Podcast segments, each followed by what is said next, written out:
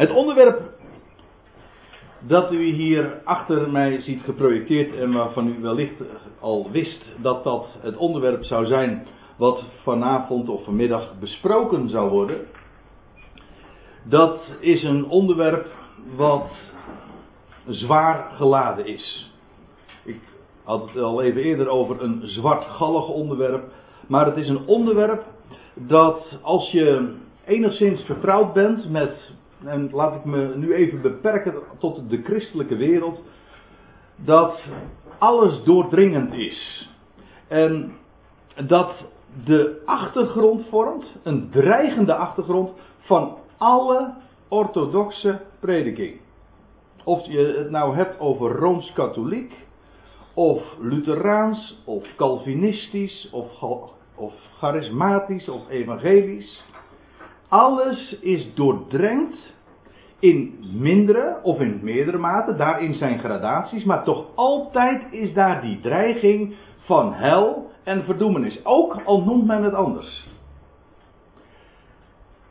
En ik zal u vertellen, het heeft voor mijzelf ook een, ja, nog wel een persoonlijke achtergrond, in hoge mate zelfs. Er is geen onderwerp wat mij zozeer al van jongs af aan heeft beziggehouden als, als deze kwestie. tot tranen aan toe. Ik, ik, herinner me nog heel goed dat ik als klein ventje, eh, hoe oud ik geweest ben eh, op dat moment weet ik niet, vier, vijf, zes jaar. Ik, iets in die geest zal dat geweest zijn dat ik al met die vraag zat. u moet weten, ik heb een uh, reformatorische achtergrond. Zoals de meeste van u hier wellicht ook. Per slotverrekening, we zitten hier in Urk. Op Urk. Neem me niet kwalijk. En ja, in die reformatorische achtergrond, christelijk gereformeerd om precies te zijn. Ja, daar speelde dit allemaal een, een grote rol. Ben ik uitverkoren? En als ik niet uitverkoren ben, ja, wat is dan het lot van de mens? ja, dat is hel. Dat is verdoemd worden. Tot die, die uitzichtloze plaats. En hoe je het dan ook beschrijft. En dat de ene predikant deed dat dan weer wat anders dan de ander. Maar één ding was wel duidelijk. Het is een hopeloze situatie. Zo afschuwelijk. En ik kan me niet herinneren dat ik ooit in mijn leven heb getwijfeld aan het bestaan van God. Dat Hij er is dat is voor mij zo, zo vanzelfsprekend als dat de zon schijnt. Dat is een realiteit. En, maar ik, als, als klein kind kon ik zo hiermee zitten. En het gekke is, en nou praat ik dus puur even vanuit mijn persoonlijke invalshoek, en daar wil ik het dan echt maar ook toe beperken, want ik wil de schrift open, open doen, uiteraard. Maar om toch eventjes aan te geven hoe belangwekkend het kan zijn en hoe zeer het een mens ook kan raken. Dat ik als kind uh, niet zozeer zat met de vraag van, uh, is dit het lot dat mij zal treffen? Maar wel het, het, het idee van, ja, er zijn zoveel om mij heen, die niet geloven, die niet naar de kerk gaan, zo heet Want dat was allemaal hetzelfde in mijn beleving. Ja, daar ga ik nu even zonder commentaar even aan voorbij, maar... En al die mensen, en ik vroeg dat dan ook aan mijn moeder of aan mijn vader. Uh, hoe, hoe, zit dat dan? Want ik dacht daar dan over na. Oh, oh, ja, ik was nogal een denkertje, een beetje filosofisch, maar uh, wat, wat, betekent eeuwig? Ja, er komt nooit een einde Nooit, nooit. Uh, denk er maar eens eventjes een paar minuten over na, geconcentreerd in je kop barst. Zo is het. Want dat zijn, dat zijn begrippen die, die passen niet in die paar ons grijze hersencelletjes. Dat is eindeloos. En als je dan eraan denkt, eindeloos, en dan verdoemd, troosteloos, nooit meer een weg uh, naar buiten, uh, geen inkeer mogelijk, geen terugkeer, echt troosteloos, zonder hoop.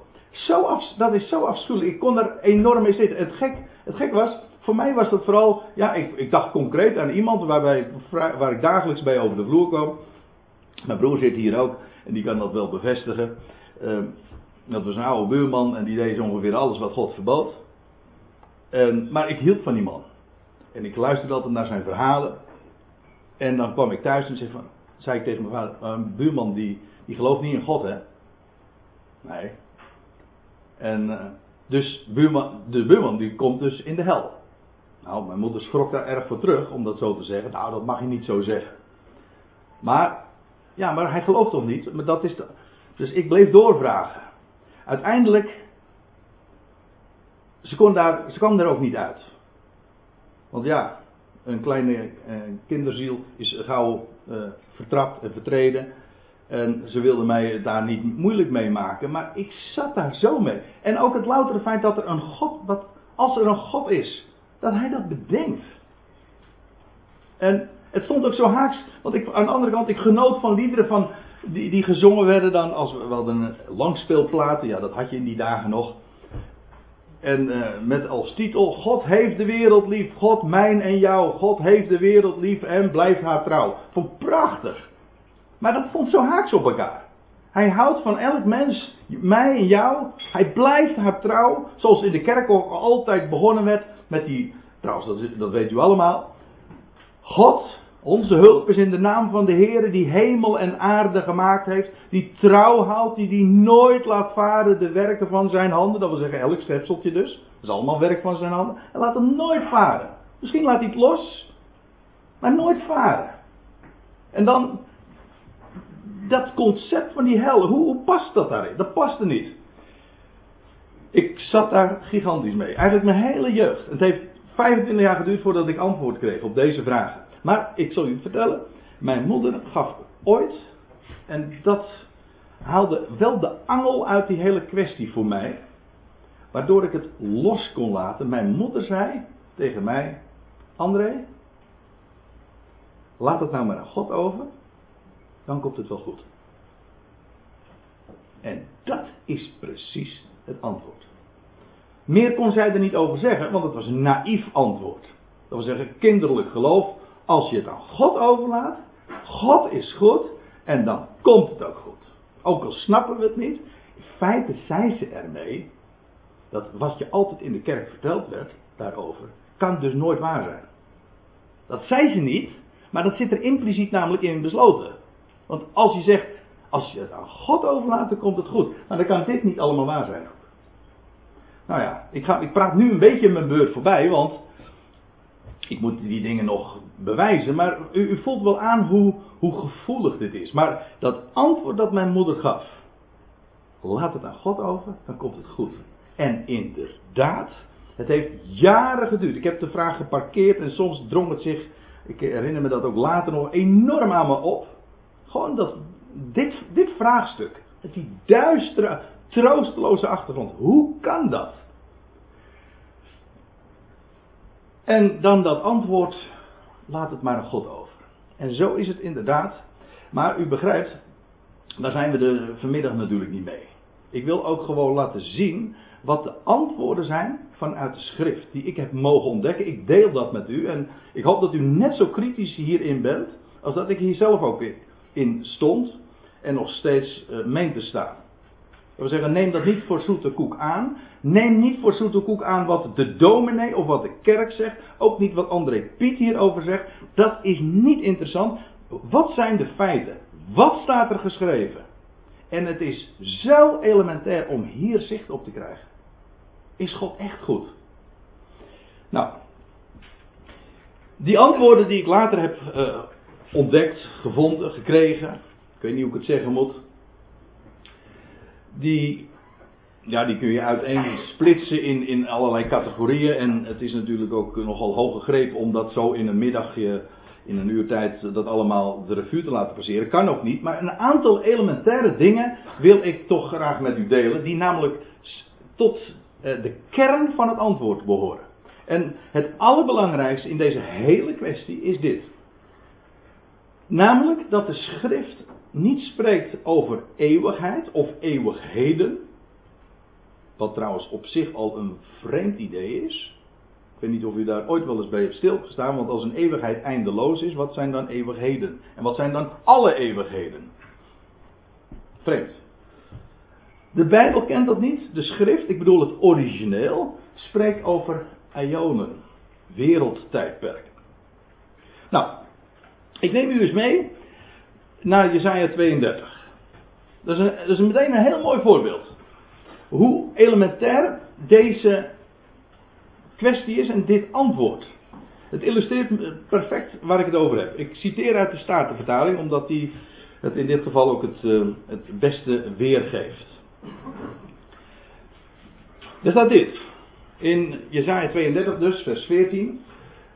Want het, het gaat over een voorzegging over de stad Jeruzalem. En dan staat er, want het paleis zal verlaten zijn. Het gewoel van de stad zal ophouden. Ovel en de wachttorens zullen tot spelonken zijn. En dan staat erbij tot in der eeuwigheid. In het Hebreeuws staat hier uh, ad olam. Olam, dat is het Hebreeuwse woord dat dan vertaald wordt soms met eeuwigheid en soms met eeuw en soms weer met wereld. Ik kom daar nog op terug. Maar, oké, de weergave is duidelijk. Het is een hopeloze toestand. Het paleis is verlaten, het gewoel van de stad zal ophouden en dat duurt tot in der eeuwigheid. Het is een vreugde voor de woudezelen en een weide voor de kudde. Met andere woorden, van de stad zelf is gewoon niks meer over. En dan moeten we opletten wat er staat. Paul. Vers 15. Totdat over ons uitgegoten worden de geest uit de hoogte. Hey, maar dat is eigenaardig. Een eeuwigheid heeft dat dan ook al een totdat. Dat past niet in het denken zoals we dat ooit hebben meegekregen, traditioneel. Immers, de eeuwigheid, hoe wordt dat gedefinieerd? Pak een woordenboek. De eeuwigheid is een tijd zonder begin en zonder einde. We hebben geen ideeën van wat dat betekent. Want wij, wij kennen, kunnen alleen maar denken in termen van begin en een einde. Maar een eeuwigheid zou dan, zou dan zijn, en zo wordt het gedefinieerd, een tijd zonder begin, zonder einde. Maar hier wordt gesproken over een toestand die zal duren tot in der eeuwigheid, zegt de vertaling. Maar het heeft wel een totdat. Over ons uitgegoten worden, de geest uit de hoogte. Met andere woorden, er is toekomst voor Jeruzalem. Dat mag dan weliswaar een eeuwig oordeel zijn, maar dat is niet voor altijd. Het punt is deze, dat het woord eeuwigheid, en beperk me nu even tot het Oude Testament in het Hebreeuws, betekent niet, je ziet dat hier, en ik zou talloze voorbeelden kunnen geven, dat ga ik niet doen, want ik heb nog ook andere dingen te bespreken. Maar ik zou, dit, dit, dit geeft aan dat eeuwigheid niet eindeloos is, maar een totdat heeft. Ik zal u ook vertellen dat dat ook helemaal geen verrassing is hoor, want men weet dit ook wel. Ik zal u een voorbeeld geven. De Bijbelse Encyclopedie is een bekend naslagwerk hier in Nederland, in de christelijke wereld. Uitgegeven bij Kok in Kampen. En daar staat bij op bladzijde 239 dit. Het Hebreeuwse woord olam, waarvan in het Oude Testament eeuwigheid de vertaling is, is verwant met een werkwoord dat verbergen betekent. Het duidt dan ook iets aan dat in het verleden of in de toekomst nog verborgen is. Het heeft dus de betekenis van een zeer lange tijd. Staat gewoon in een naslagwerk. Ik zou u nog tal van andere werken uit de korte verklaring van professor Aalders, allemaal autoriteiten, zeg maar ook traditioneel binnen de Nederlandse christelijke wereld, die uh, soortgelijke dingen zeggen. Het eigenaardige is dat dit bekend is in de handboeken, kun je nalezen, Alleen, wordt het gehoord? Wordt het verteld? Vanaf de kansel wordt er verteld en op categorisatie wordt onderwezen. De eeuwigheid heeft geen, geeft geen begin, heeft geen einde. Maar men weet dat het Hebreeuwse woord voor wat vertaald wordt met eeuwigheid absoluut niet iets is zonder einde. Ik gaf u net een voorbeeld, maar laten we even naar het Nieuwe Testament toe gaan. U weet, het Oude Testament is geschreven in het, Hebreeuws. Het Nieuwe Testament, wat wij dan het Nieuwe Testament noemen, is geschreven in het Grieks. En daar komen we ook uh, heel wat keren in onze vertaling het woord eeuwigheid tegen.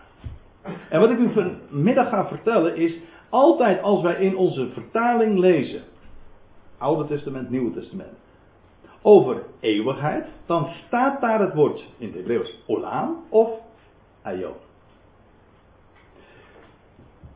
Met dit grote verschil met eeuwigheid. Eeuwigheid is dan de tijd zonder begin en zonder einde. Maar een aion heeft wel degelijk en een begin en een einde. Ik ga, ik ga u gewoon de bonnetjes overleggen. Een paar tenminste. 1 Korinthe 2 vers 7. Daar lezen we dat Paulus dit schrijft. Maar wat wij spreken, Paulus en zijn medewerkers, wat wij spreken als een geheimenis, verborgenheid, is de verborgen wijsheid van God, die God reeds van eeuwigheid voorbeschikt heeft tot onze heerlijkheid. De Statenverdaling zegt hier, eer de wereld. Maar weet u wat er staat?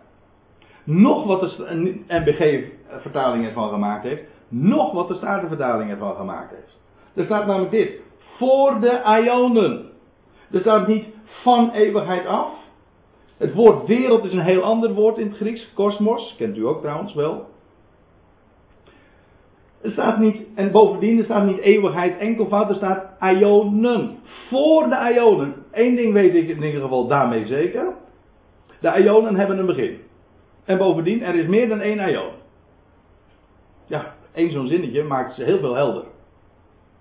In elk geval, Paulus spreekt over verborgen wijsheid die God voorbeschikt heeft. God is een man, uh, pardon, God is een persoon die plant, die een plan heeft, die voorbeschikt. Wel, de wijsheid die Paulus moet spreken, dat is, die is reeds voor de Ionen voorbeschikt.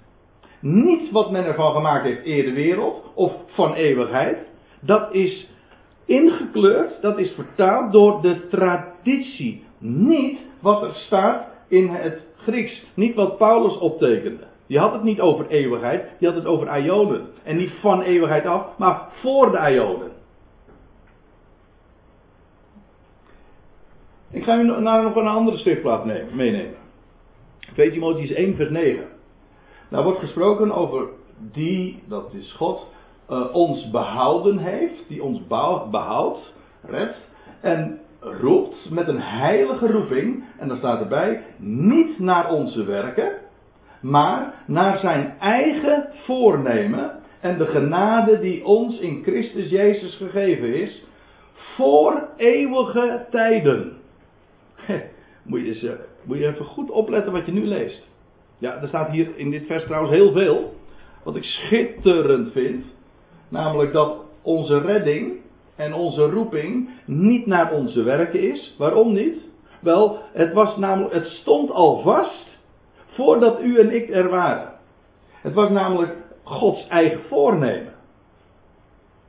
Het is niet onze keuze, het zijn niet onze werken. Om een hele simpele reden. God heeft een voornemen, een plan. En in dat voornemen, en het is pure genade, die ons in Christus Jezus gegeven is, een geschenk dus. En dan staat erbij, voor eeuwige tijden. In de Statenvertaling staat het, voor de tijden der eeuwen. Maar dit is exact hetzelfde woord wat men elders weergeeft met eeuwigheid. Echt waar? Dat is het woord aion, wordt soms weergegeven met eeuw en soms weergegeven met eeuwigheid. En dat is inconsequent en het is zelfs innerlijk tegenstrijdig. Want een eeuw heeft een begin en een einde en een eeuwigheid heeft geen begin en geen einde. Hoe kan dat ene Griekse woord twee totaal tegenstrijdige, innerlijk tegenstrijdige betekenissen hebben? Dat is onmogelijk. En dat is ingekleurd van, van daaruit door de traditie. Maar daarmee wordt er verdraaid. De betekenis van wat, is, wat hier, van de woorden die hier staan geschreven, is verdraaid. Ja, hier is het volkomen correct. Eeuwige tijden. Maar u ziet hier al, men zegt altijd, men spreekt een over eeuwige tijd en eeuwigheid. Alsof dat twee contrasten zijn. Hier ziet u, en er zijn een paar andere voorbeelden waar je exact hetzelfde ziet, dat die, die begrippen helemaal geen tegenstelling zijn. Het is een eeuwige tijd. En er zijn eeuwige tijden. Meerdere dus. En bovendien, die eeuwige tijden hebben een begin gekregen, want er wordt gesproken over voor eeuwige tijden. Inderdaad, de Statenvertaling heeft het dan weergegeven met de tijden der eeuwen. Daar heb ik helemaal geen probleem mee. Er staat letterlijk voor eeuwige tijden. Een eeuwige tijd is dus niet eindeloos. En ook in ieder geval, want weer opgevolgd door een andere eeuwige tijd. Bovendien, het is niet beginloos. Want er staat voor eeuwige tijd. Daar is zo vreselijk mee gekroeid. En dit is elementair. Want het hele idee van hel en verdoemenis. Want laten we even gewoon bij het onderwerp ook voortdurend uh, weer bepaald worden. Dat is zo zwartgallig omdat het zo hopeloos is. Het wordt altijd gekoppeld aan dat idee wat men heeft en wat altijd voorgeschilderd wordt. Het is zonder einde, eeuwig. Dat wil zeggen, dat, men, dat bedoelt men ermee, zonder einde. Dat klopt niet. Het staat inderdaad voor Ionische tijden. Nou, ik ga, ik ga nog wel een paar schriftplaatsen noemen. Matthäus 28, vers 20. Zie, dat is een bekend woord, het laatste vers van het Matthäus-evangelie. Zie, ik ben met u, zegt de Heer Jezus vlak voordat hij ten hemel vaart. Zie, ik ben met u al de dagen tot aan de voleinding der wereld. Dat staat niet wereld. Er staat in het Grieks hier gewoon het woordje aion. De voleinding der aion. Stel je voor dat ze hier het ook hadden weergegeven met eeuwigheid. Zie, ik ben met u tot aan de voleinding van de eeuwigheid. Wat krijgen we nou? Dat, dat, dat, zou toch dwaasheid zijn? Ja, maar het geeft dus aan dat dat woord eeuwigheid zelf een dwaze bedenksel is van mensen. Maar ja, met een enorme impact, met een enorme, uh, met enorme consequenties. Dat, dat voel je wel aan. De hele dogmatiek, de hele prediking is het. Hele geloofsleven is daardoor gekleurd. Zwart gekleurd. Inkt zwart gekleurd zelfs. De volleinding der aion, dat is wat er staat. Ik neem u nog mee naar een andere schriftplaats. Efeze 2 vers 7. Dat zegt Paulus dit. Om in de komende aionen, letterlijk staat er, in de aionen die nog komen gaan, de overweldigende rijkdom van zijn genade te tonen naar zijn goede tierenheid over ons in Christus Jezus. Hier wordt gesproken over aionen die nog gaan komen. We zagen net, de aion die nu is, dat heet de, boos, de tegenwoordige boze aion, die zal voleindigd worden. Ik ben met u tot aan de voleinding van deze aion. Maar er zijn ook nog aionen te gaan. Dus niet uh, het idee van als Jezus straks terugkeert. Ik nu eventjes de, in, in, het kort de populaire versie zeg maar van de, van de eschatologie, van de leer van de laatste dingen van de doorsnee kerkganger. Dat is, als Jezus straks terugkeert, dan is het einde verhaal, dan is het eeuwig wel, eeuwig wee. Eén van beide. Zonder dat er nog een weg terug is, dat is het verhaal. De eindeloze eeuwigheid breekt dan aan. En dat is zo ver buiten het hele Bijbelse begrip. Als straks de Heer terugkeert, dan is dat het einde van deze aion, maar dan breekt er een nieuwe aion aan. Sterker nog, dan, breek, dan breken de komende aionen aan. Dat, in de Bijbel heet dat de aionen der aionen. Dat zijn de meest overtreffende aionen. Waarom? Omdat dat de aionen zijn, de wereldtijdperken waarin Christus zal heersen. Komende aionen. Geen, geen eindeloze eeuwigheid breekt straks aan. Nee, aionen, wereldtijdperken. Zoals we deze aion een begin heeft en een einde. Trouwens, aan, deze, aan de huidige aion zijn ook aionen vooraf gegaan. En als je nooit van het woord aion hebt gehoord, ja, dan nemen, nemen die kwalijk, dan wordt het hoog tijd. Als je de Bijbel leest, moet je dat begrip kennen, want het speelt een enorme grote rol. En, en je, waarom moet je het kennen? Omdat men het omdat het onherkenbaar is weergegeven in de vertalingen. Dat is de ellende. Je, je weet, nou ja, als je het woordje eeuwigheid tegenkomt, dan weet je op voorhand, oh, daar staat het in het Grieks het woordje aion. Ja, maar hetzelfde woord wordt ook uh, weergegeven met eeuw en met wereld. En zo is de verwarring ingezet.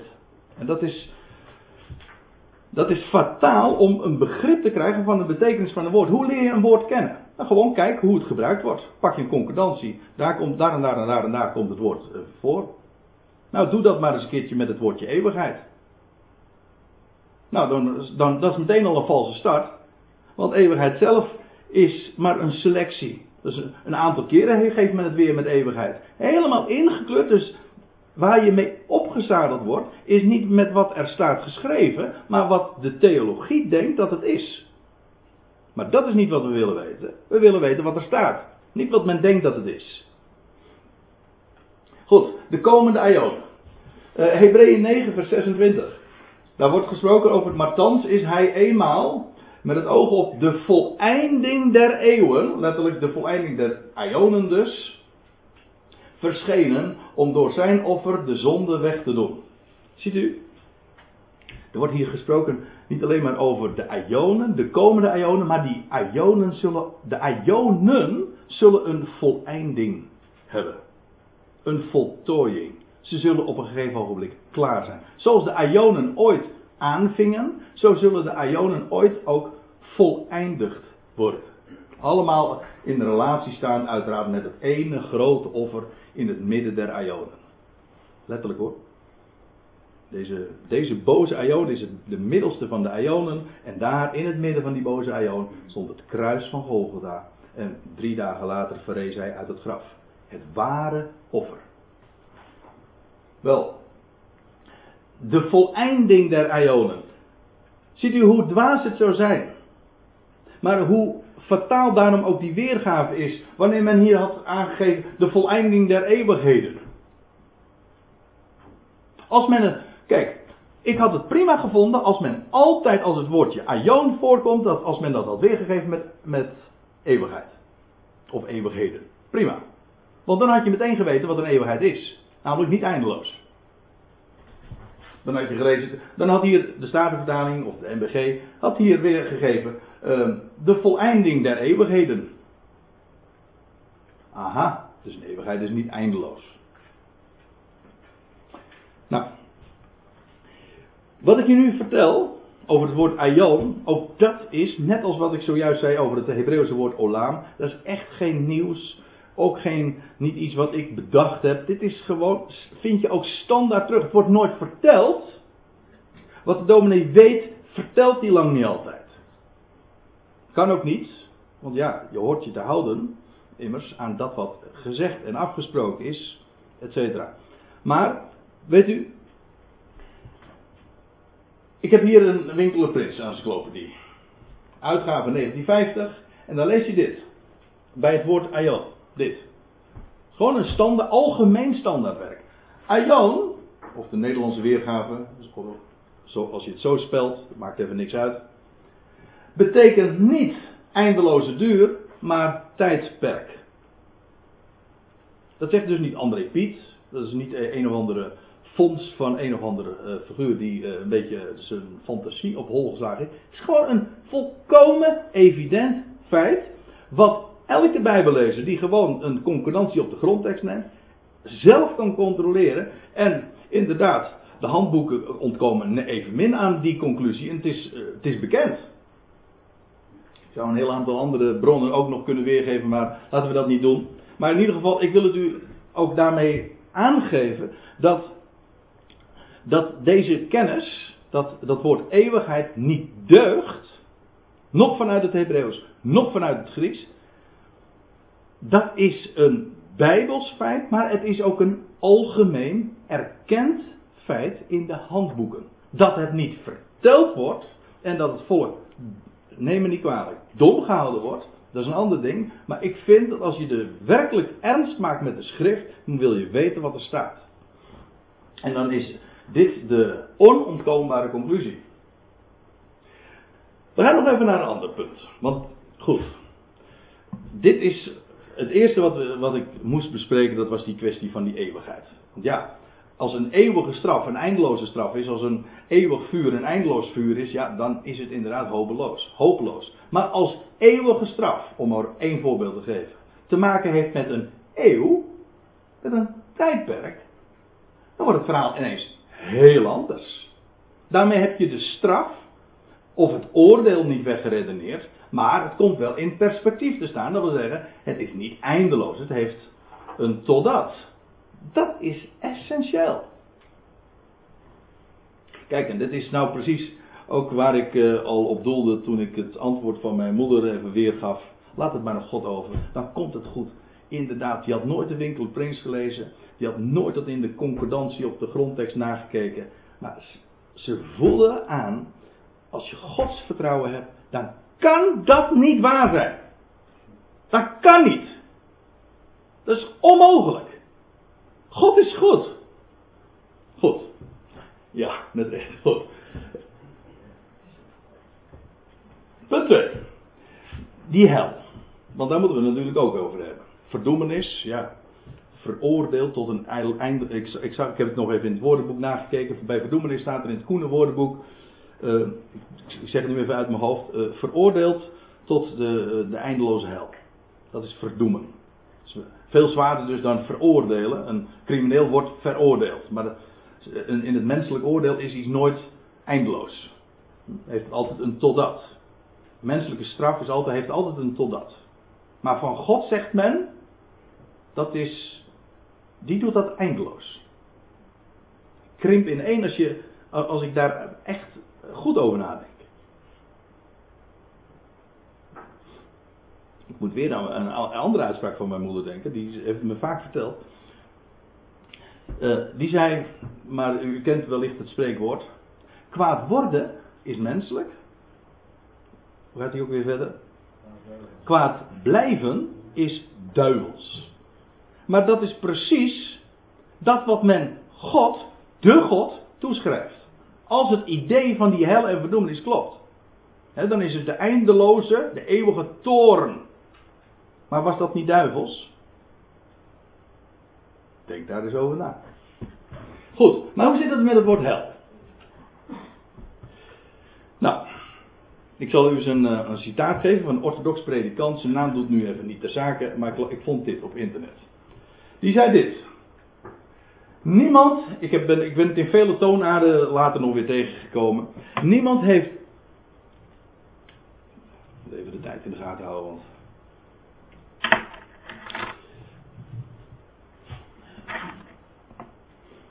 Anders moeten we, ik, ik, ik, voorzie nu al dat het een beetje al te veel wordt. Uh, anders, is, is het goed als we straks nog even een pauze houden, Jannie? Ja? Dan uh, denk ik dat we het halverwege beter even kunnen onderbreken voor een, kopje koffie. Maar goed, we pakken de draad weer even op. Uh, het citaat van die orthodox predikant. Die zei dit. Niemand heeft zoveel en zo ernstig over de hel gesproken als Jezus zelf. Hij onderwees een eindeloze hellestraf van een onuitblusbaar vuur waar de worm van wroeging nooit zal ophouden. Nou, prima. Dat is, dat is wat deze predikant zegt. Nou, ik zeg prima. Ik vind het afschuwelijk. Maar laten we gewoon checken. Klopt het wat hij zegt? Niemand heeft zoveel en zo ernstig over de hel gesproken als Jezus zelf. Nou, is dat zo? Laten we het eens eventjes het probleem in stukjes hakken en het is even goed nauwkeurig bezien. In de Statenvertaling komt het woord hel 54 keer voor. In het Oude Testament is het de vertaling van het Hebreeuwse woord Sheol. In de, trouwens, in de MBG-vertaling komt het in het Oude Testament nooit voor. Eh, ik kom daar straks misschien nog even op terug. Maar in het Oude Testament is het de vertaling van het Hebreeuwse woord Sheol. Nou ja, als het zo uitkomt. Daar is men ook over, net zoals met het woord eeuwigheid, is, men, is het willekeurig geweest zoals men het heeft weergegeven. Soms geeft men het met eeuw, soms met eeuwigheid weer. Maar dat is tricky. En dat is met het woord hel ook weer zo. Men geeft het soms weer dus met, uh, met hel in de Statenvertaling. Nou, ik zal een voorbeeld geven. Nummer 16, vers 30 gaat het over de opstand van Korach, Datan en Abiram. En dan lees je in vers 30 dit. Ook, ik citeer uit de Statenvertaling. Want de MBG-vertaling die is hier gewoon veel beter. Maar goed, uh, ik beperk me nu dus even tot deze oude vertaling. Maar indien de Heere, staat er dan in dat vers, wat nieuws zal scheppen en het aardrijk zijn mond zal opendoen en verslinden hen met alles wat, hun, wat hunner is. En zij levend ter helle zullen nedervaren. Hier staat het woord Sheol in de MBG-vertaling staat in het dodenrijk. Klopt hoor. Ik zal het u laten zien. Want als we nou even gewoon doorbladeren, nou eigenlijk terugbladeren moet ik dan zeggen, want in Genesis 37, vers 35, ook van de Statenvertaling, dan lees je over Jacob, aartsvader Jacob, als hij dan het nieuws hoort over Jozef, zijn zoon.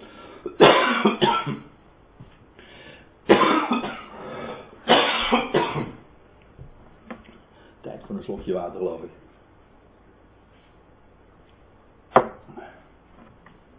Maar hij weigerde, dat is Jacob dus, weigerde zich te laten troosten en zeiden, want ik zal rouwbedrijvende tot mijn zoon in het graf neerdalen. Alzo beweende hem zijn vader. Maar weet je wat hier staat? Exact hetzelfde woord als wat we in nummer 16 tegenkwamen. Alleen daar gaf de Statenvertaling het weer met de hel. Maar ja, dat kwam wel uit, want Korach, Datan en Biram, die deugden niet, dat waren ongelovigen en dus die kwamen in de hel terecht. Maar Jozef, eh, per slotverrekening Jacob, een van de geloofshelden, dat was een gelovige, die, die ging toch niet naar de hel, hè? Nee, maar dat zegt hij wel. Als men het exact hetzelfde weergegeven had als in nummer 16, had men hier ook moeten weergeven met hel. Dat heeft men niet gedaan, want dan klopt hun theologie niet meer. Nee, maar sinds wanneer moet een Bijbelvertaling conform de theologie zijn? Volgens mij is het omgekeerd. Je theologie, je opvattingen, zou je aanpassen aan wat er staat geschreven, niet omgekeerd. En daarom is dit een hele kwalijke zaak. Er staat hier gewoon ook weer hetzelfde woord, Sheol. Namelijk het dodenrijk, daar waar de doden zijn.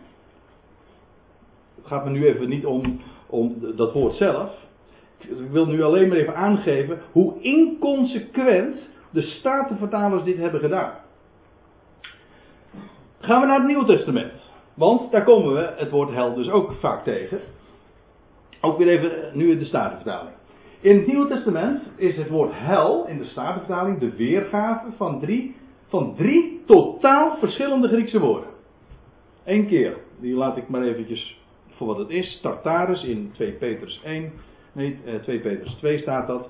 En dat, uh, dat wordt in de Statenvertaling weergegeven met hel. Er staat in het Grieks Tartarus, dat is een plaats, en in de MBG-vertaling wordt dat weergegeven met de afgrond. Negen keer wordt het, uh, is het de weergave van het Griekse woord Hades. En dat woord Hades komt overeen met dat woord waar we het zojuist over hadden, Sheol in het Hebreeuws. Sorry als het sommige mensen nu een beetje gaat duizelen met die Hebreeuwse en Griekse woorden, maar ik, kan, ik ontkom er niet aan om dat even toch naar voren te brengen. Dit, dit Griekse woord Hades, dat is dus gewoon het dodenrijk. MBG is hier, eerlijk is eerlijk, concordant. Gewoon, ze geven weer één op één. Zo hoort het. En het is twaalf keer de weergave van een ander Grieks woord en dat is Gehenna. En dan uh, dat komen we ook in de MBG-vertaling uh, twaalf keer tegen. Namelijk, uh, die, geven dat, die geven het daar ook, als er in het Grieks dus sprake is van Gehenna, geven ze dat ook weer met hel. Maar de Statenvertaling bestaat het om drie totaal verschillende woorden weer te geven met hel. Dus als je zegt van geloof je in de hel, dan moet je eigenlijk vragen van welke bedoelt u. Ja, heb je het over deze, de Tartarus, of heb je het over de Hades, het dodenrijk, of heb je het over Gehenna? Welke bedoelt u? Welke van de drie? Moet je eens een keer vragen aan iemand. Huh? Ja, maar dan, uh, ik, de verwarring. Uh, dat is trouwens een heel aardig hoor, om zo'n wedervraag. Als, als zoiets gesteld, uh, aan je gevraagd wordt, geloof in de hel, dan moet je vragen van welke bedoel je. Dan weten ze meteen helemaal niks meer. Want dat, ja, dat, dat zeg ik niet als, als, als spot, maar ik geef er ook mee aan, dat wordt niet onderwezen. Nou, en nou beperk ik me even tot dit woord. Want Tartarus laat ik sowieso even, omdat het me één keer voorkomt, laat ik eventjes rusten. Hades hebben we het al over gehad, het is gewoon het dodenrijk. En vertaling is daarin correct. En trouwens ook concordant, dat wil zeggen eensluidend in zijn weergave. En het is ook het, de weergave van het woord Gehenna. Maar nou komen we een andere vraag. Dat woord Gehenna, dat komt dus twaalf keer voor in de Griekse Bijbel. Waarvan elf keer in de Evangelie. Daarom zei die predikant ook van, niemand heeft meer over de hel gesproken als Jezus zelf. Klopt. Jezus sprak elf keer over, maar niet over hel, maar over Gehenna. Maar wat is Gehenna? Nou, dat zal ik u vertellen. Dat is, ook dat kun je gewoon in elk willekeurig handboek navinden. Ook in de, of het nou de Bijbelse encyclopedie is, of, kijk naar het woord hel en dan zul je meteen deze informatie aantreffen. Het wordt niet verteld, in de vertaling heeft men het versluierd, maar dat is een ander punt. Het is bekend. Het is de Griekse uitspraak van een Hebreeuwse naam. U weet het, als je een bepaalde naam hebt en je zegt het in een andere taal, klinkt het ineens anders. Maar het is eigenlijk Gai Hinnom. Dat is in het Hebreeuws. En als je dat op zijn Grieks zegt, dan zeg je Gehenna. Goed. Wat is dan Gai Hinnom? Of Gehenna, maar is hetzelfde dus. Nou, dat is een dal in het zuidwesten van de stad Jeruzalem. Daar kun je gewoon dus naartoe lopen. Hè? Ja. Nou, ik zal u een paar plaatjes laten zien. Hier heb je het Tempelplein, van dus een zijaanzicht. Hier heb je de Olijfberg. En hier heb je dan het dal van Ben Hinnom. Als je een bezoek aan Jeruzalem brengt, dan, uh, dan moet je ook een bezoek brengen aan het dal van Ben Hinnom. Aan wat dan heet de hel. Dat is wat Gehenna is. Hier heb je een, een aanzicht van bovenaf. Hier heb je dus de Olijfberg. Hier de Kidron, uh, het Kidrondal. Dit is het tempelplein zoals u ziet, het huidige tempelplein. En hier heb je dus het Hinnomdal. Gehenna, Gai Hinnom. Of wat in de vertalingen wordt weergegeven met hel. En ik kan me voorstellen als u denkt van, ja maar wat heb ik nou aan mijn fiets hangen? Wat, wat hebben ze nou gedaan? Hebben ze een naam, een plaatsnaam, Gehenna, een dal van Hinnom, hebben ze niet gewoon overgezet, nee, hebben ze een, een theologisch begrip wazig, een onderaards oord van gemaakt. Waarom niet gewoon, het is een plaatsnaam. Kijk, trouwens, dit, is, zijn er ook al een paar plaatsjes van het dal van Hinnom. Dat is dus de hel, alsjeblieft. Dat ziet er heel liefelijk uit. Ja. Nou. Ik neem u mee. Kijk. Hoe oneigenlijk dit is. En wat men, hoe fataal het is wat men gedaan heeft. En ik, ik liet het u zojuist al even zien in verband met het woord aion. Dat men weergeeft op twee totaal tegenstrijdige wijzen. Die innerlijk tegenstrijdig zijn. En dat met het woordje hel heeft, is er ook iets heel eigenaardigs gebeurd. Want wat doe je met plaatsnamen? Elke vertaler weet dat. Een, een plaatsnaam, een geografische aanduiding, vertaal je niet, zet je alleen op. Oké, in elke taal klinkt dat weer wat anders. Dan is Jeruzalem. Nou ja, ik weet niet eens hoe je het in het Grieks precies zegt. Laat ik dat dan maar achterwege. Maar in ieder geval, in het Nederlands zeg je dan Jeruzalem. En als in het Grieks dit staat, Bethlehem, dan is dat Bethlehem. Dat is niet vertaald, dat is gewoon de Nederlandse manier van het uitspreken. Of Nazareth, blijft hetzelfde. Galilea, je wordt Galilea, Judea. En dan krijg je Gehenna. En dan maak je de hel van. Is dit vertalen? Is dit eerlijk? Elke geografische plaats, of een rivier, of een dal, dat wordt gewoon weergegeven naar wat het is. Aanwijsbaar. Je kunt het gewoon op de kaart aanwijzen, met precisie.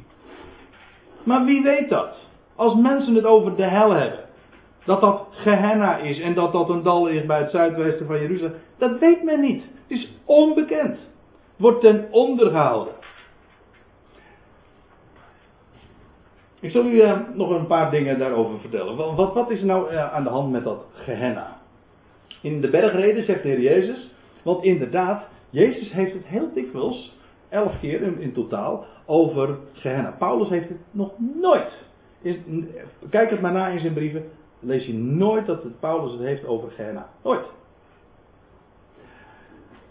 Jezus die gezonden was tot de verloren schapen van het huis Israëls. Hij zegt, uh, ik zeg u, en ieder die in toren leeft tegen zijn broeder, dit is de zogenoemde bergrede, de grondwet zeg maar van het koninkrijk, van het koninkrijk dat straks ook geopenbaard zal worden. Ik zeg u, en ieder die in toren leeft tegen zijn broeder zal vervallen aan het gerecht. Zo zal het straks ook gaan. Dat zijn strenge regels, rechtvaardig, maar ook inderdaad met een ijzeren roede. En wie tot zijn broeder zegt leeghoofd, zal vervallen aan de Hoge Raad. Dat is de MBG-weergave. En wie zegt dwaas, zal vervallen aan het vuur van Gehenna. Niet de hellevuur. Een hel, waar denk je aan bij de hel? Dan denk je aan een onderaards oord. Maar waar denk je aan bij Gehenna? Nou, aan een plaats waar je dat je op de kaart kan aanwijzen. Een wereld van verschil. Bij de hel denk je aan een plaats waar, waar doden, mensen na de dood gepeinigd worden. Maar als je denkt aan Gehenna, denk je aan een dal waar mensen zich kunnen bevinden, waar levenden kunnen zijn, waar eventueel lijken neergelegd worden. Zeg niet zomaar, maar dat zullen we in de volgende dia's ook zien. Maar in ieder geval, zo, zal het straks gaan. Wie zich op deze manier schandelijk uitlaat over zijn broeder, die zal vervallen uit in het ergste geval uh, aan het vuur van Gehenna. Ik neem mee naar nog een andere schriftplaats, ook in de Evangelie. Indien uw oog u tot zonde zou verleiden, ruk het uit. Het is beter dat gij met één oog het koninkrijk van God binnengaat, dan dat gij met twee ogen in de hel geworpen wordt. Staat er niet. Er staat in het Gehenna. En wat is, wat is daarmee aan de hand? Nou, daar lees je ook nog dit over. Ja, dat is ook zoiets. Want die predikant die ik zojuist citeerde, die had het over, over dat die, die worm van broeging, weet u nog? Nou, uh, daar staat over dat Gehenna, niet dus de hel, maar over met twee ogen in Gehenna geworpen wordt, waar hun worm niet sterft en het vuur niet wordt uitgeblust. Als Jezus dat zegt, dan verwijst hij naar een schriftplaats in het Oude Testament. Hij zegt dat Gehenna, dat is de plaats waar hun worm niet sterft en het vuur niet wordt uitgeblust. En weer denken we, want we nemen meteen al dat onderwijs van de traditie dat we hebben meegekregen, expliciet, impliciet, die, al die dreigende ideeën nemen we daarin mee. En zo verstaan we dat dan. En dan denken we aan de eindeloze hel. Nou, ik zal u dit zeggen. Als Jezus dit zegt, verwijst hij naar het laatste Bijbelvers van het boek uh, Jezaja. Het laatste vers van Jezaja. En ik neem u meteen mee, u ziet, we gaan door de hele Bijbel zo heen. Maar in Jezaja 66, vers 23 staat dit. En het zal geschieden, van nieuwe maan tot nieuwe maan en van sabbat tot sabbat, dat al wat leeft zal komen om zich voor mijn aangezicht neer te buigen, zegt de Heer. Let op, we hebben hier te maken met een voorzegging over het toekomstige koninkrijk. Dat blijkt daaruit dat, dat, uh, dat al wat leeft zal komen om zich voor mijn aangezicht te Jeruzalem. Jeruzalem, het letterlijke Jeruzalem. Gewoon daar in het Midden-Oosten. Waar de koning der koningen zal heersen. In die komende aion, in dat nieuwe wereldtijdperk. Nou, dan zal van nieuwe maand tot nieuwe maand, van sabbat tot sabbat, zal al wat leeft komen om voor mijn nagezicht zich neer te buigen, zegt de Heer. Nou, en nou komen we bij het laatste vers van het boekje Zaja. En dan staat dit. En zij, wie zijn die zij? Nou, dat zijn, dat is al wat leeft, delegaties van alle volkeren die daar in Jeruzalem een bezoek komen brengen op pelgrimage. En alle volkeren zullen onderwezen worden vanuit, vanuit het woord in, in de tempel die weer herbouwd zal zijn, et cetera, et cetera. Daar gaat het me nu even niet om. Het gaat me er even om dat we verplaatst, hier verplaatst worden naar dat, dat Messiaanse koninkrijk. En de bezoekers die vanuit alle landen dan zullen komen, dan, uh, die zullen zien en zij zullen uitgaan en de lijken, let op, de lijken aanschouwen van de mannen die van mij afvallig geworden zijn. Want hun worm, wie, wat is hun worm? Hun. Dat zijn die lijken van die mannen, hè?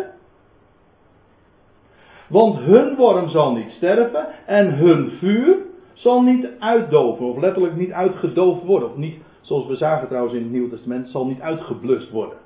En ze zullen voor al wat leeft een afgrijze wezen. Nou, even goed opletten.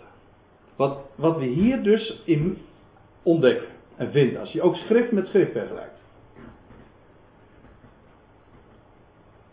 Er wordt hier gesproken over dat alle volken in Jeruzalem zullen neerbuigen voor de Heer. En wat, wat passeren ze wanneer ze uh, in Jeruzalem komen? Gehenna. Inderdaad, het dal van Hinnom. En wat liggen daar? In Gehenna. Daar liggen lijken van mannen die van mij afvallen geworden zijn. Letterlijk staat er, eh, die uh, rebelleren tegen mij. En die zullen omgekomen zijn. Er zullen dus de lijken liggen van mensen die omgekomen zijn en die gerebelleerd hebben tegen de Heer. En die lijken hebben geen begrafenis gekregen. Nee, die liggen daar gewoon open en bloot. Het is dus, ik wil het niet mooier maken. Ik, want u zegt van, nou, dit is ook uh, knap macaber, André, als je dit eh, zo beschrijft. Dan zeg ik, dat is ook zo. Ik wil het niet mooi maken. Maar ik wil er niet dat duivelse idee van hebben, van maken, wat men ervan gemaakt heeft. Namelijk dat het een plaats is waar levende mensen, levende zielen, voor eindeloos worden gepijnigd. Dat is Gehenna niet. Dat is het dal van Hinnom, waar straks, waar straks lijken zullen liggen. Geen levende zielen gepijnigd worden. Nee, lijken zullen daar liggen. En die lijken die worden voortdurend aangevreten door de worm, door de made.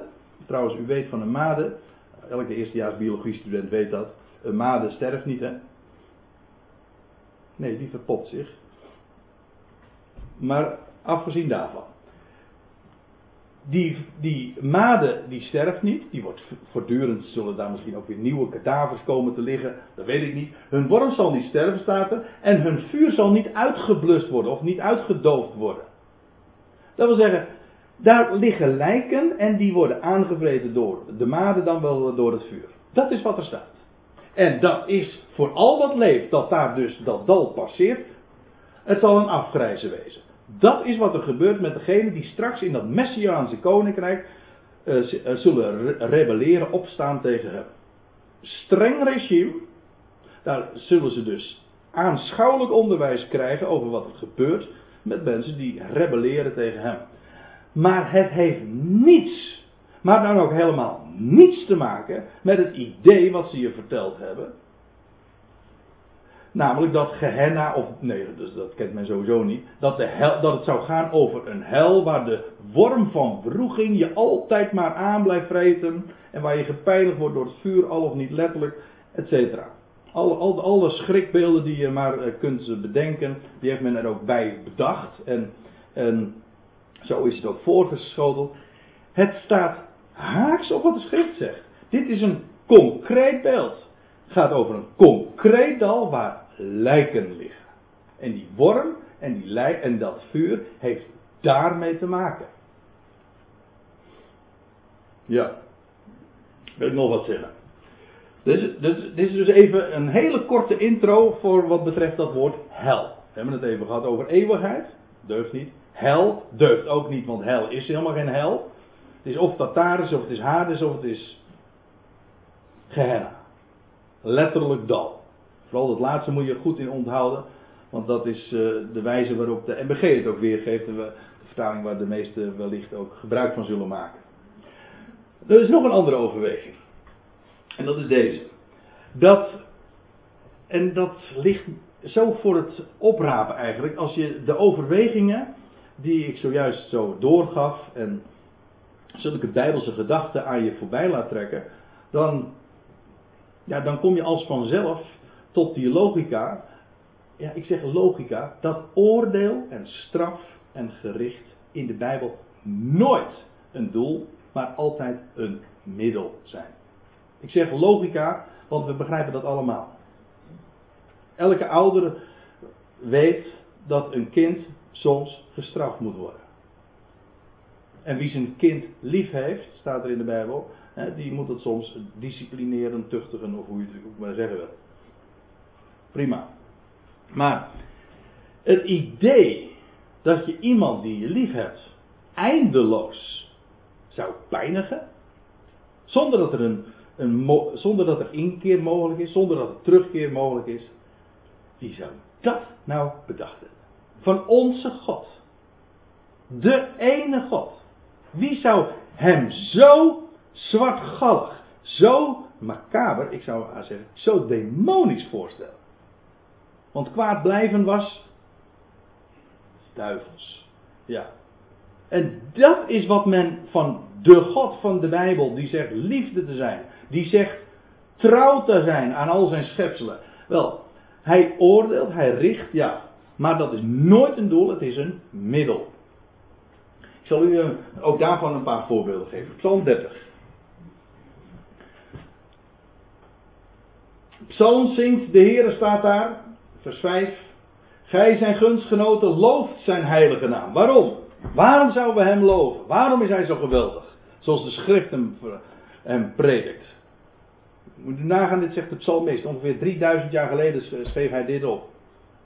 Honderd jaren voordat het Nieuwe Testament werd opgetekend. Nou, er staat hier. Want een ogenblik duurt zijn toorn. Maar een leven lang zijn welbehagen. Des avonds vernacht het geween, maar tegen de morgen is er gejuich. Met andere woorden, al is er geween, dat is nooit het laatste. Dat is nooit het, eh, het definitieve integendeel. Als je Gods toorn afzet tegen zijn welbehagen, dat kan je doen. Hoe verhouden die zich tot elkaar? Ik kan het u precies vertellen, gewoon bijbels hè. Die verhouden zich als een ogenblik en een lang leven. Dat is de verhouding. Gods toorn, hoe verhoudt hij zich tot zijn welwagen? Als een moment tot een leven lang. Dat zijn de Bijbelse proporties. En die toren is in de Bijbel altijd ten dienste van. Het heeft nooit een definitief karakter. Integendeel, het is met recht gericht. Het zet recht. Gericht betekent ook letterlijk iets rechtzetten, recht terecht brengen, recht doen, dat dat krom is weer recht maken. Het idee van dat dat een eindeloze foltering zou zijn, dat is niet alleen tegen alle menselijke conceptie van, van eerlijkheid en rechtvaardigheid, maar ook tegen het Bijbelse idee. Ja, nu heb ik een foutje gemaakt, zie ik hier, want het is, er staat hier Psalm 30, maar dat moet zijn Klaagliederen 3. Dat ben ik vergeten goed weer te geven. Maar in ieder geval in Klaagliederen 3, daar staat dit, in vers 32. Ik laat eventjes dat vers, dat trouwens wel erg interessant is in dit geval, eh, even eraan uh, voorbij gaan. Maar dan lees je dit, vers 32. Als hij, de hoofdletter God dus, als hij bedroefd heeft, ontfermt hij zich. Dat zeggen, als hij soms, dat lees je, het klaagliederen gaat over de val van Jeruzalem, Gods oordelen gingen over de stad. En dat kon soms hevig zijn, dat kan soms brandend zijn. Ik doe niets af van de ernst van Gods oordeel. Ik zeg alleen dit. Het is nooit, nooit, nooit, ben ik duidelijk genoeg? Eindeloos. Het is, heeft altijd een totdat. Als hij bedroefd heeft, en het heeft zijn uitwerking, dat wat hij beoogde, dan ontfermt hij zich naar de grootheid van zijn gunstbewijzen. Immers, niet van harte verdrukt hij en bedroeft hij de mensenkinderen. Dat zit niet in zijn aard. Als hij het doet, dan is het noodzakelijk kwaad. Het is noodzakelijk kwaad om te oordelen. Dat is niet zijn intentie, dat is niet zijn oogmerk. Het is een middel tot het doel. Ja, en dan heb ik nog een, punt. Maar ik stel voor uh, dat we eerst maar eventjes een korte pauze gaan houden. En dan zullen we dat laatste uh, straks voortzetten.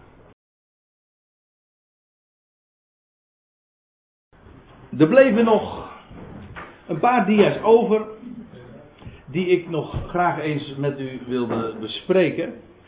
En het zou net even te veel geweest zijn om dat allemaal in ene keer te behappen. Vandaar dus dat ik even een korte pauze heb ingelast. Oh.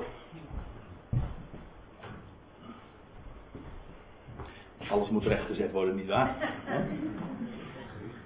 Dat is gericht, ja, dat is gericht. Ja. En het laatste thema dat ik voor uw aandacht wil brengen, dat is de dood, die wordt te niet gedaan. En dat is zo geweldig. En als ik het zo zeg, en je luistert met christelijke oortjes, dan zeg je ja, dat is geen nieuws. Dat weet ik, dat wordt altijd verteld.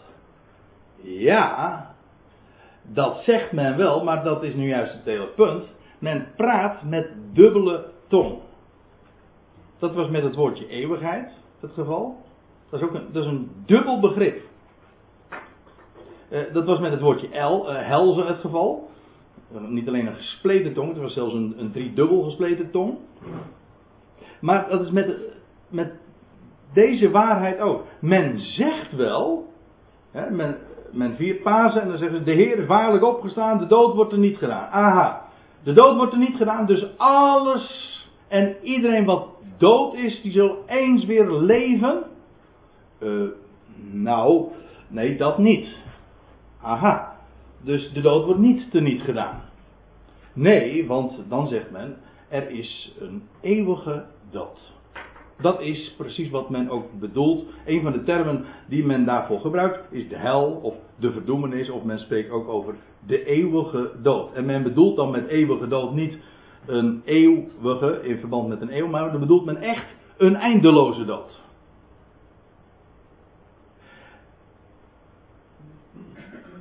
Maar dat staat dus weer haaks op elkaar. Aan de ene kant wordt verteld, de dood wordt niet gedaan. En aan de andere kant spreekt men over een eeuwige dood. In de, in de betekenis van een eindeloze dood. Dat kan dus niet.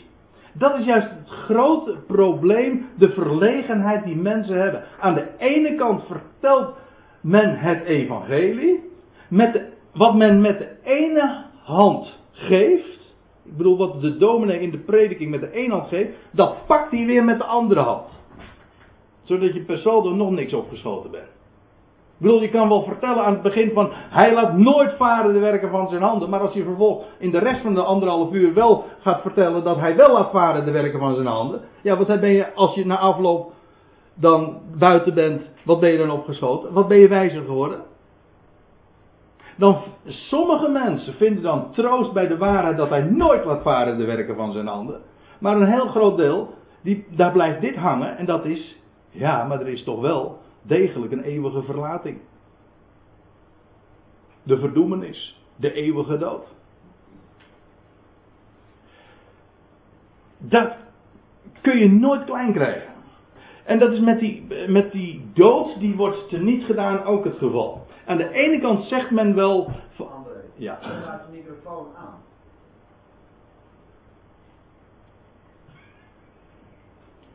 Nee. Sta ik deelde met zo'n ding. Ja, af en toe, ik mis stukjes. Oh. oh. Oké, nou ik, uh, ik had het zelf eigenlijk niet in de gaten. Maar nu staat hij wel aan. En je hoort het nu beter. Oké, nee, heel goed. De dood wordt teniet gedaan. Ik zal u uh, nog meenemen naar een schriftgedeelte dat uh, bekend is. Dat, dat heet dan het laatste oordeel. Ik geloof dat in mijn Bijbeltje er ook boven staat. Openbaring 20. De grote witte troon. Bij die voorstelling wordt in de traditie altijd weer dat idee van hel en verdoemenis geprojecteerd. Ik zal u even meenemen naar het gedeelte. Openbaring 20, daar lees je in vers 12. Ik kan niet anders dan even inhaken gewoon op een paar versen, want het totaal uh, zou te ver voeren. Maar er staat dit. En ik zag zegt, zegt Johannes in de openbaring. En ik zag de doden, de grote en de kleine, staande voor de troon. Dat wil zeggen, die grote witte troon die al in een paar versen eerder was genoemd. Let op, het was een witte troon. Geen duistere, geen zwarte, maar een witte troon. Maar bovendien, hij zag doden die staan. Hé, hey, maar dat is eigenaardig. Want dat is toch niet de gebruikelijke houding, positie van een dode. Een dode die staat. Dat kan maar één ding betekenen, en dat is ook precies wat hier uh, wordt verteld en wordt weergegeven. Die doden zijn opgestaan. Vandaar dat hij die doden zag staan. Ze waren dood en nu zijn ze levend geworden. Waarbij ik aan moet tekenen, we hadden het er in de pauze zojuist nog even over, in de Bijbel, maar dat is eigenlijk weer een onderwerp apart. Dat, ik ga u wat vertellen, dood is dood. Dood is niet een andere vorm van leven. Nee, dood is dood. Dan ben je er niet meer. Is geen wetenschap, geen kennis, geen overleg in het dodenrijk waarheen gij gaat. Het dood. Geef toe, dat kan ik nu vanmiddag niet toelichten, maar dat is wel een, belangrijk punt. Ook uh, voor het verstaan van, van dit gedeelte. In elk geval, die doden die zag Johannes staan, klein en groot, voor de troon. En er werden boeken geopend een zagwekkend gedeelte als je dit leest. Dit eh, even nog, uh, nog een ander stukje informatie. In het begin van openbaring 20 wordt gesproken over de duizend jaren. Christus zal heersen in de duizend jaren. Uit Jeruzalem. En aan het einde van die duizend jaren vind je dan die beschrijving van een grote witte troon. Daar worden de doden, allen die tot dusver dood gebleven waren, in het graf achtergebleven waren, worden staan op die staan daar voor de troon. En er werden boeken geopend. En nog een ander boek werd geopend, het boek des levens. En de doden werden geoordeeld, gericht, op grond van hetgeen in de boeken geschreven stond naar hun werken. Daar is een witte troon, daar is een rechter. Alles zal daar openbaar worden. En het wordt heel sober, niet somber, maar sober beschreven, indrukwekkend oog in oog met de schepper, met God zelf. Die daar inderdaad alles aan het licht zal brengen. En daar alles recht gaat zetten. En dan staat er, ik sla een paar, één vers over, ja, en dan staat er in vers 14. En de dood en het dodenrijk werden in de pool, of eigenlijk het meer van vuur geworpen. Dat is de tweede dood. De pool, het meer van vuur. Ja, dat laatste begrip er nog bij betrek, dat is, nog een, dat is een onderwerp apart, daar wil ik niet te veel over zeggen, maar ik wil wel dit, in, in verband met het grote thema van vanmiddag, wil ik er, en moet ik er dit over zeggen, dat is dat men hierover zegt van, kijk, hier, openbaring 20, 14, daar wordt de dood teniet gedaan. Daar lees je dat de dood en het dodenrijk in de pool van de vuur worden geworpen. En dat is dan de tweede dood. Maar dat is geen te niet doen van de dood. De dood en het dodenrijk, die worden in de pool van vuur geworpen. En dat, is de, dat heet dan de tweede dood. Wat er gebeurt is dat alle mensen die daar staan, de doden, als zij geworpen worden, als hun naam namelijk niet staat in het boek des levens, dan worden ze geworpen in de pool van vuur. En dan staat erbij, dat is de tweede dood. Allen die daarin geworpen worden, die zijn daar voor de tweede keer dood. Of gaan voor de tweede keer dood.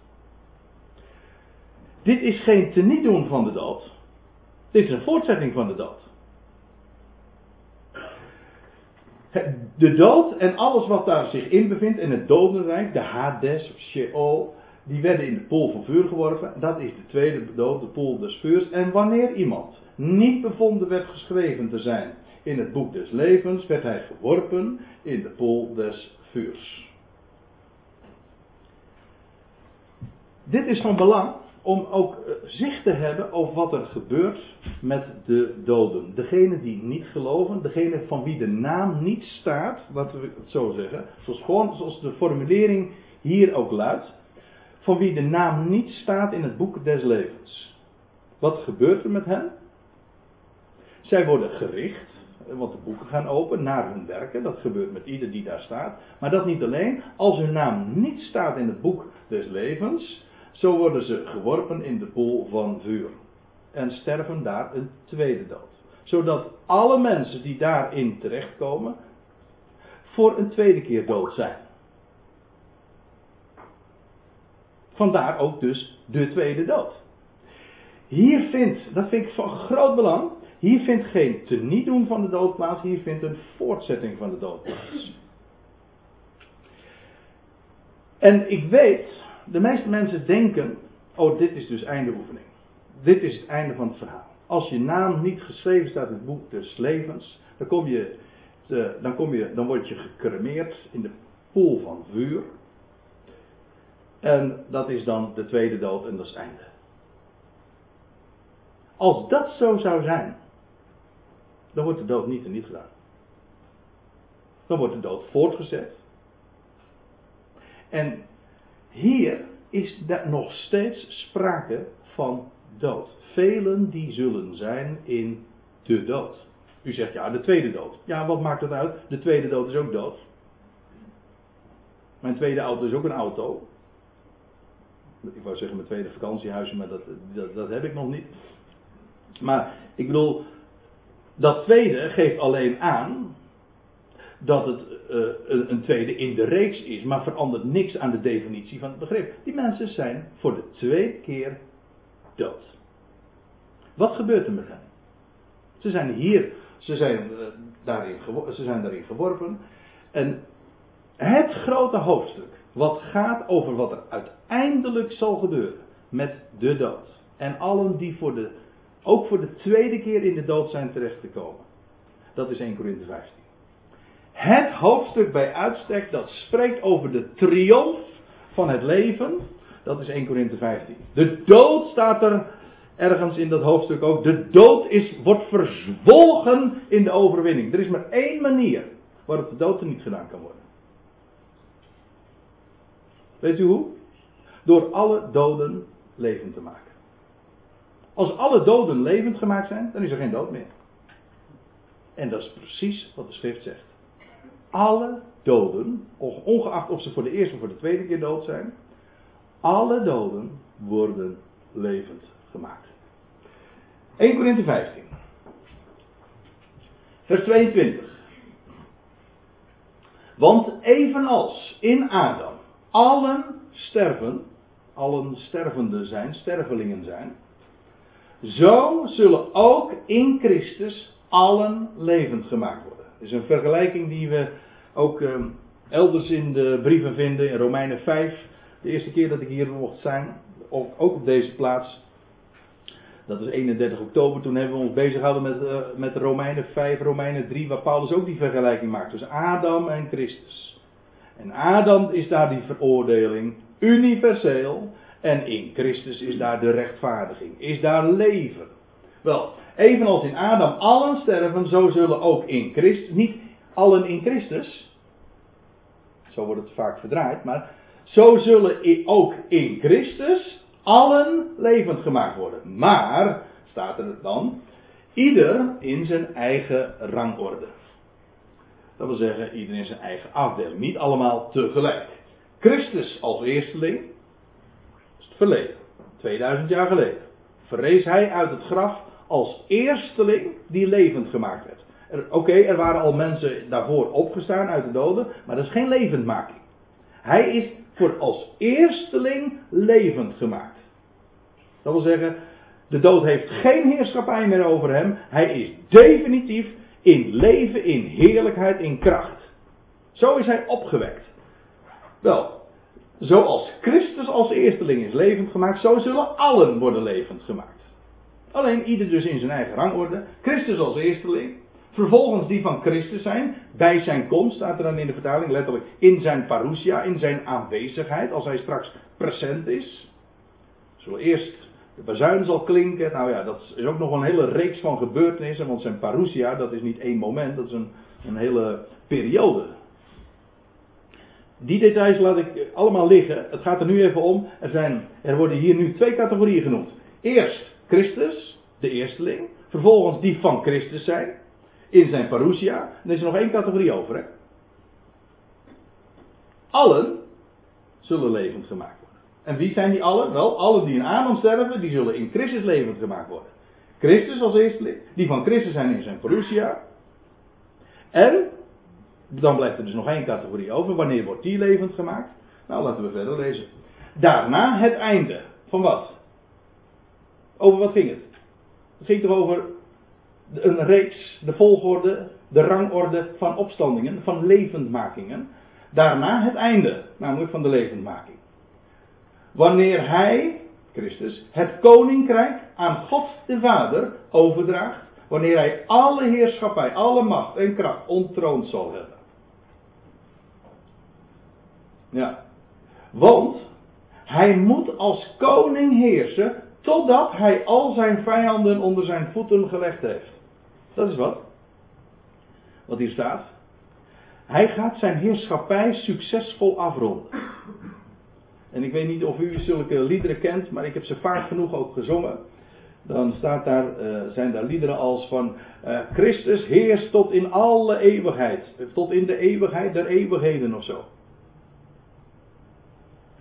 Hij moet heersen tot dat. Hoe kan dat? In, in openbaring 11, vers 15 staat er in uw vertaling, in de Statenvertaling en BG-vertaling, hij moet heersen tot in alle eeuwigheid. Dat staat er niet hoor. Er staat tot in de ionen der ionen. Ziet u hoe belangrijk het is? Zo'n vers kan je niet begrijpen als je leeft met het idee van een, eind, een e- eindeloze eeuwigheid. Hij moet heersen tot in de ionen. De toekomende aion van de duizend jaren zal hij heersen, maar ook in de nieuwe hemel en de nieuwe aarde daarna zal hij heersen. Ik zal u even een korte tijdlijn geven, om een klein beetje een schematisch in, voor ogen te hebben. Als je straks, wij leven dus in de tegenwoordige boze aion, dat is deze, hier links. Die zal afgesloten worden door de wederkomst, dat is het einde, de voleinding van deze aion. En dan vangt er een nieuwe aion aan, de toekomende aion.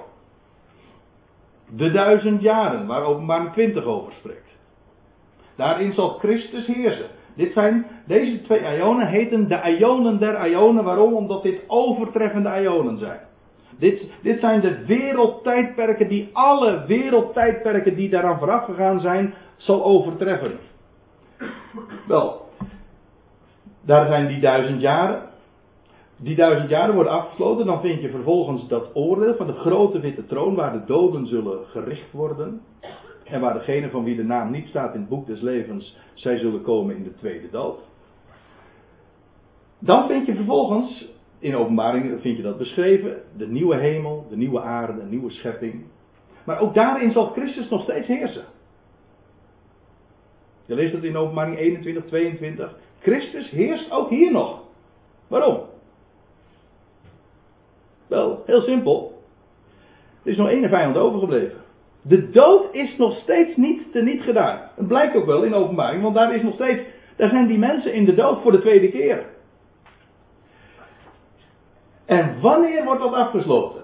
Ja, bij de voleinding der ionen, wanneer Christus het koninkrijk overgeeft. Ik zal het u ook laten zien, want dan gaan we weer even terug naar 1 Korinthe 15, want daar staat er. Uh, goed, ik lees nog even verder uit, of terug in vers 25. Hij moet, hij, Christus, moet als koning heersen totdat hij al zijn vijanden onder zijn voeten gelegd heeft.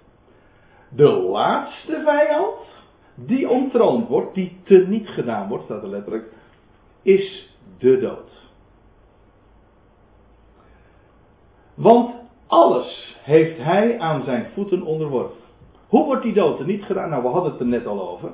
Hij doet de dood teniet door allen levend te maken. Waren allen al levend, zijn allen al levend gemaakt in zijn parousia? Nee, dat zijn alleen die van Christus zijn. Degenen die niet van Christus zijn, de laatste categorie, die zijn dan nog steeds dood. Wat gebeurt er met hen? Ook zij zullen worden levend gemaakt, zoals Christus de eersteling. Wanneer? Wel, dat zal pas gebeuren aan het einde van de heerschappij van Christus. Zij zullen geen delen dus hebben aan de heerschappij van Christus, aan dat koninkrijk waarin Christus zal heersen. Degenen die niet van Christus zijn, zullen hier aan deze ionen, aan deze ionische heerlijkheid, geen deel hebben. Dit is, heet ook de ionische straf, de eeuwige straf. Heeft te maken met deze wereldtijdperken. Is dat het einde? Nee, nee, nee. De dood wordt teniet gedaan.